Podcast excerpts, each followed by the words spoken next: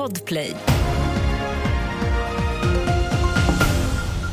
Vi börjar med uppgifter som kom nyss om att två lastfartyg har kolliderat i sydöstra Nordsjön. Flera personer saknas och man befarar att ett av fartygen har sjunkit, det uppger tyska medier. Flera räddningsbåtar söker efter de saknade personerna och fler båtar är på väg. Idag är Natos generalsekreterare Jens Stoltenberg på besök i Stockholm och efter lunch håller han en pressträff tillsammans med statsminister Ulf Kristersson. Igår tog den svenska NATO-ansökan ett kliv framåt när Turkiets president Erdogan skickade den svenska ansökan till det turkiska parlamentet för ett godkännande.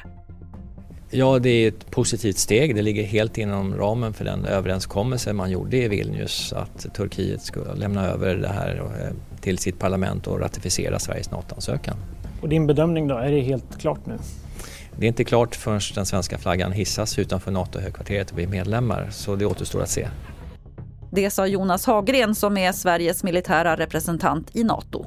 Till sist kan vi berätta att det är stökigt i tågtrafiken idag mellan Stockholm och Malmö på grund av ett signalfel mellan Linköping och Norrköping. Det här leder till förseningar och inställda avgångar. Enligt den senaste prognosen från Trafikverket ska felet vara löst klockan 18 ikväll.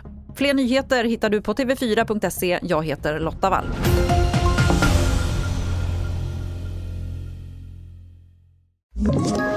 Ett poddtips från Podplay. I podden Något Kaiko garanterar östgötarna Brutti och jag, Davva, dig en stor dos skratt. Där följer jag pladask för köttätandet igen. Man är lite som en jävla vampyr. Man har fått lite blodsmak och då måste man ha mer. Udda spaningar, fängslande anekdoter och en och annan arg rant. Jag måste ha mitt kaffe på morgonen för annars är jag ingen trevlig människa. Då är du ingen trevlig människa, punkt. Något Kaiko, hör du på Podplay. Därför arkadeinerna.